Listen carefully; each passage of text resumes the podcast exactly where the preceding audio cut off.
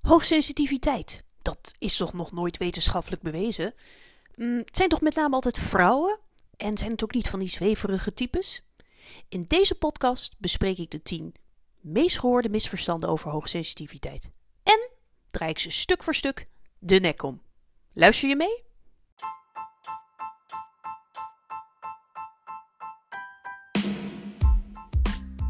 Welkom bij de Geluk of Je Leven podcast. De podcast voor professionals die de regie willen pakken over hun eigen werkgeluk. Mijn naam is Suzanne Nieuwenhuis en ik deel wekelijks concrete tips en een flinke dosis inspiratie met je, zodat ook jij je eigen werkgeluk kunt vergroten. Welkom bij weer een nieuwe aflevering van de Geluk of Je Leven podcast. Superleuk, een paar minuten voordat ik besloot om deze podcast op te nemen, uh, kreeg ik een berichtje van uh, van iemand die me een quote stuurde van omdenken. En de quote luidde: Jouw slechte planning hoeft niet te betekenen dat ik me nu moet gaan haasten. En ze zegt: Ik zag deze quote en ik moest gelijk terugdenken aan uh, de podcast die ik geluisterd had. En dat was uh, de vorige podcast over nee zeggen en grenzen stellen. Dus superleuk om dat zo te ontvangen. En toevallig ook, gisteren kreeg ik nog een leuk berichtje van een oud collega die aangaf van. Uh, Dankjewel voor je super inspirerende podcast, zei ze. Ik luister ze met veel plezier. En ik vind het altijd heel erg leuk om dat soort berichtjes te krijgen. Want als ik hier aan het opnemen ben achter mijn bureau, ik heb natuurlijk geen idee wie meeluistert. Uh, dus superleuk als je zoiets laat horen. Uh, mocht je ook de podcast waarderen, dan zou ik het ook heel fijn vinden als je uh, een beoordeling zou willen geven. En op Spotify doe je dat heel simpel door op de drie puntjes te klikken bij de podcast. En daar kun je een, een beoordeling, kun een aantal sterren geven. Dan wordt het bereik van de podcast wordt ook vergroot. Dat zou ik enorm waarderen. Ja, de podcast van vandaag. Waar wil ik het vandaag over hebben? Nou, vandaag leek het me leuk uh, om het over hoogsensitiviteit te hebben. Uh, natuurlijk een van mijn stokpaardjes. Maar er zijn nogal een aantal, ja, zal ik het noemen, vooroordelen over uh, hoogsensitiviteit. Misverstanden kun je het misschien ook wel noemen. En het leek me leuk om die eens eventjes in de podcast van vandaag aan te kaarten. Dus ik noem het de 10 grootste misverstanden over hoogsensitiviteit. Laten we gelijk maar eens beginnen met de eerste. Een eerste misverstand. Hoogsensitiviteit gaat primair over prikkelgevoeligheid. Dat wordt vaak gezegd. En je hoort het ook wel tegenwoordig hè, in de volksmond. Ja, ik ben zo overprikkeld en uh, we zijn allemaal hoogsensitief aan het worden. Nou, sowieso is het zo dat wij het zou kunnen hè, dat we tegenwoordig wat prikkelgevoeliger zijn geworden. Dat zeggen neuropsychologen ook wel. Door het vele thuiswerken bijvoorbeeld. Vinden we het soms lastig om in de kantoortuin te overleven. Dat kom ik ook vaak tegen in die masterclasses die ik geef over te veel prikkels op kantoor. Maar het feit dat je misschien prikkelgevoeliger bent geworden, of dat je het bent, wil niet betekenen dat je hoogsensitief bent. Prikkelgevoeligheid kom je bijvoorbeeld ook tegen bij mm, autisme, of bijvoorbeeld bij mensen met ADHD. Um, het kan ook zijn als je uh, een burn-out hebt of je bent aan het herstellen of er zijn andere fysieke redenen. Wil niet zeggen dat je daarmee ook hoogsensitief bent. Hoogsensitiviteit gaat ook over prikkelgevoeligheid, maar ziet met name ook, dat is het onderscheidende kenmerk, op wat er daarna gebeurt in het brein. De zogenaamde diepgaande verwerking in het hoogsensitieve brein. Esse Bergsma heeft er een heel mooi boek over geschreven. Als je het leuk vindt om je daar eens verder in te verdiepen. En anders zou je ook podcast 2 nog eens kunnen luisteren. Uh, daar vertel ik ook wat meer daarover. Um, maar het is misschien voer voor een andere podcast. Maar voor nu, stelling 1. HSP gaat over prikkelgevoeligheid. Niet waar. Een tweede. Ook een interessante. En uh, daar heb ik ook wel eens, uh, nou, hier hebben we het ook wel eens over in detail. Op het moment dat ik lesgeef aan Rino Amsterdam. Dat is een opleidingsinstituut voor psychologen, psychiaters, etc., psychotherapeuten. Uh, de GGZ-professional, om het zo te noemen. En uh, daar zitten natuurlijk experts die veel meer weten dan ik op het gebied van trauma en dergelijke.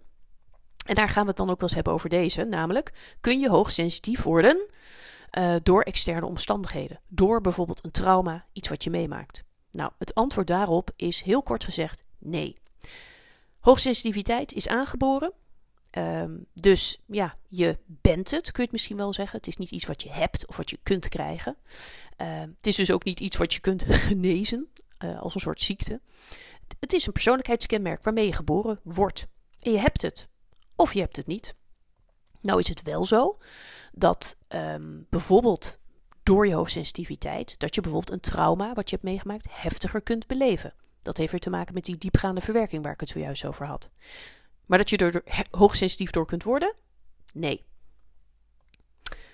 Dus dat was de, het volgende misverstand. Dan nummertje drie.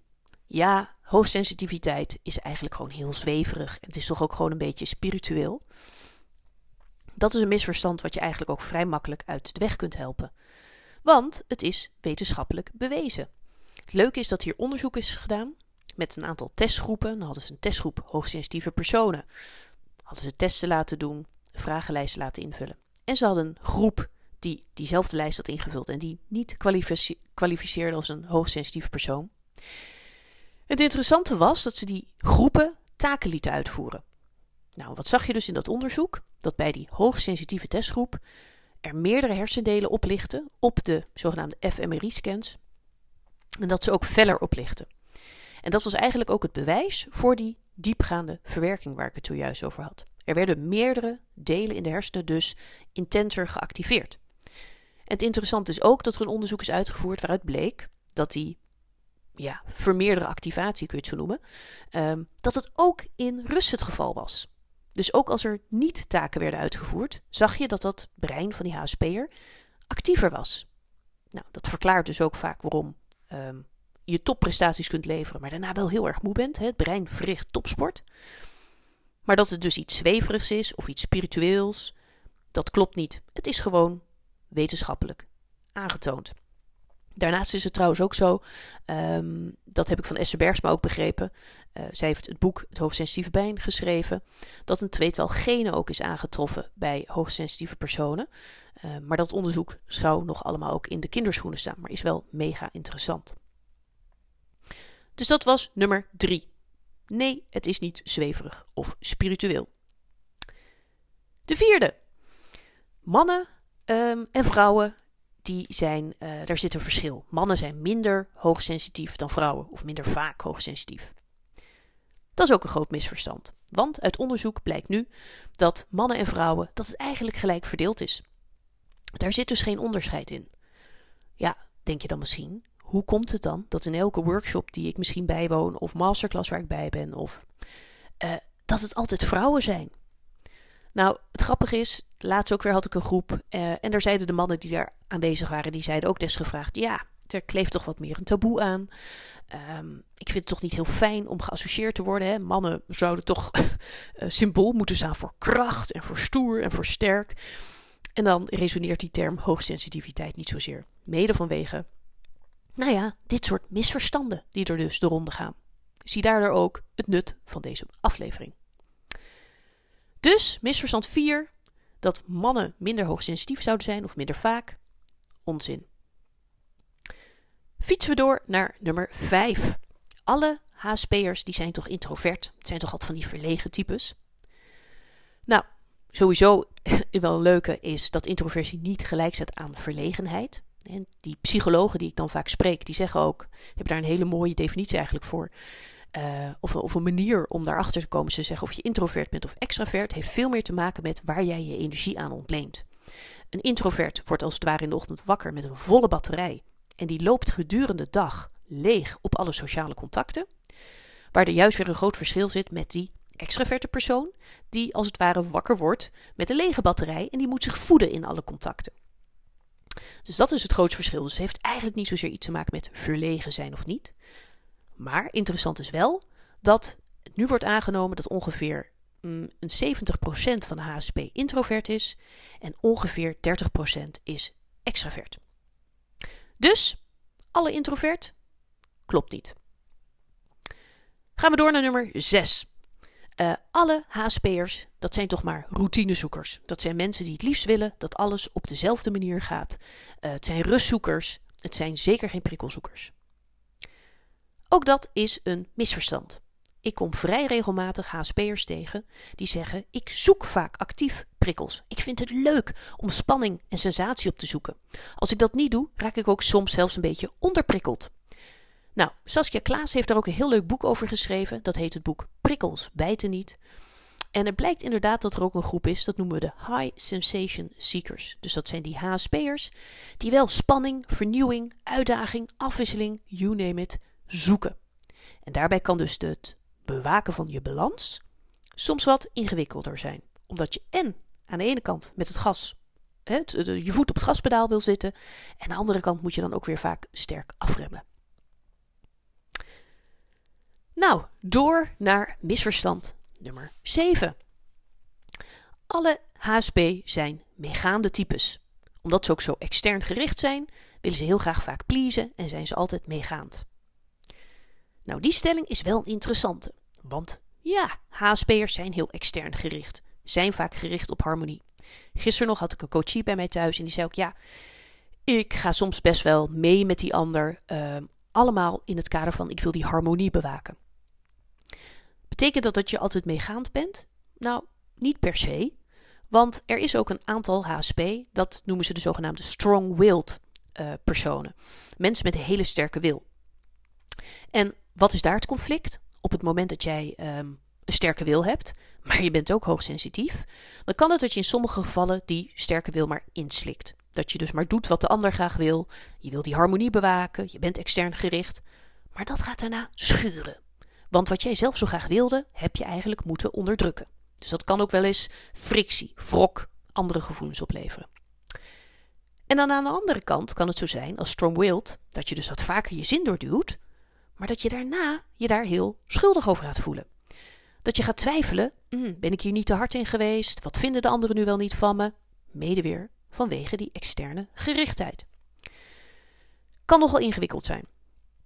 Maar om hem even samen te vatten: de stelling dat alle HSP'ers meegaande types zouden zijn, klopt dus niet. Nummer 8. Elke HSP'er heeft wel eens een burn-out gehad. Nou, want dat wordt wel eens gezegd, hè? Ja, zwak, ziek, misselijke types. Uh, ze hebben altijd wat, uh, lopen altijd wel tegen een burn-out aan. Nou, Esther Bergsma heeft hier onderzoek naar gedaan. Uh, testgroep onder 1500 HSP. En daar gaf 57% aan wel eens een burn-out te hebben gehad. En ik kom het ook vaak tegen, hè, als ik wat dat betreft met uh, coaches of in trainingen, dat hoor ik ook vaak terug. In een internationaal onderzoek kwamen ze zelfs uit op een percentage van 75%. En dat was onder een groep van 5500 HSP. Maar goed, daar zou je misschien nog wat kunnen afdingen op. Ja, uh, in die andere landen hanteren ze daar dezelfde definitie. Ofwel, het percentage is inderdaad hoog. Maar het is zeker niet zo dat je altijd uh, een burn-out krijgt als je HSP bent.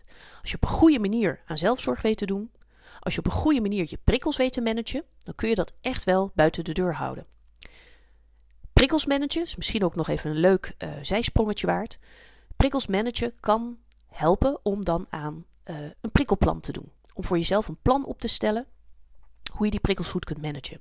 En als je dat interessant vindt, dan zou je eens, volgens mij was het de vorige podcast of de podcast hiervoor, um, daar heb ik een podcast opgenomen over hoe stel ik nou zo'n persoonlijk prikkelplan op. En daarnaast ook in mijn recente uh, artikel voor het HSP Magazine, dan heb ik het nu over december 2023, kun je dat ook nog eens rustig nalezen. Die is gewoon gratis te raadplegen. Uh, onder andere staat die op mijn LinkedIn profiel. Dus deze stelling Stelling nummer 8. Ze hebben allemaal een burn-out of krijgen allemaal een burn-out. Is niet waar. Nummer 9. We lopen richting het eind. HSP's kunnen niet omgaan met een hoge werkdruk. Dat is ook een grappige, want in een groot onderzoek uh, naar hoogsensitiviteit en werk, waar ik eerder aan refereerde, bleek dat zeker werkdruk uh, lastig kan zijn voor HSP. Dat ze stress en overwhelm kunnen ervaren. Maar er spelen ook een heel aantal andere factoren. Bijvoorbeeld geluid. He, overprikkeling door te veel geluid, denk aan een kantoortuin, speelt bij een HSP'er ook heel sterk. Maar met stipt op nummer 1, wat de respondenten in dat onderzoek aangaven, was niet zozeer die werkdruk of de complexiteit van het werk of uh, geluid op het werk. Nee, dat was een slechte sfeer. Dus op het moment dat er een slechte sfeer is, mensen voelen zich onveilig, er is conflict, de afwezigheid van harmonie, waar we als HSP'ers het zo goed op doen. Dat is eigenlijk de nummer één oorzaak om moeite te hebben met het ervaren van werkgeluk. Dus een hoge werkdruk is niet per definitie de grootste reden van verminderd werkplezier. Ja, en dan nummer 10. Hoogsensitiviteit is maar een hype. Dat vind ik ook een leuke. Is het een hype? Nou ja, misschien zou je kunnen zeggen van wel.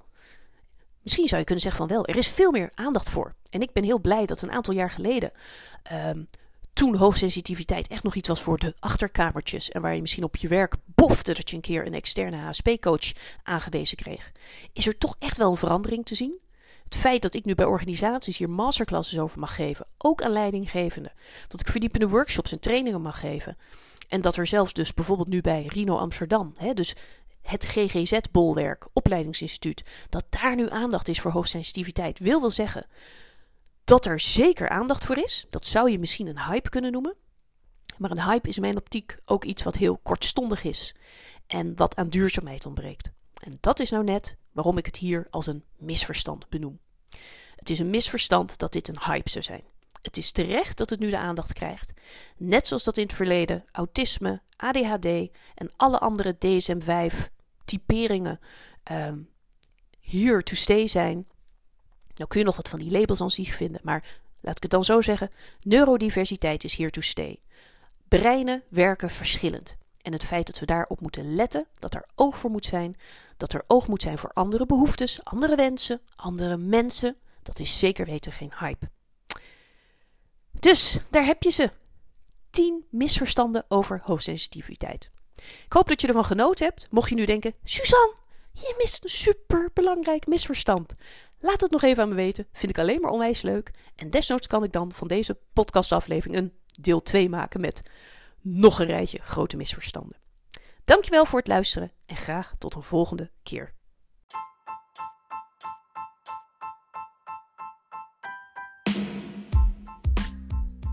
Bedankt weer voor het luisteren naar de Geluk of Je Leven podcast.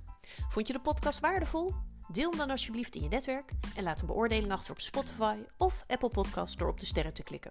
Dit zorgt ervoor dat de podcast beter gevonden kan worden. En wil je automatisch een centje als er een nieuwe aflevering online staat? Abonneer dan met de volgknop en het belletje op Spotify. Ben je geïnteresseerd in een in-company masterclass of workshop voor jouw organisatie? Of heb je misschien behoefte aan één op één coaching? Neem dan contact met me op. Dat kan via LinkedIn of door me te mailen op info werkgelukt.com. Op mijn website vind je nog een TEDx-talk en een gratis e-book over hoogsensitiviteit op de werkvloer. Kijk op www.werkgelukt.com. Nogmaals bedankt voor het luisteren en graag tot de volgende keer.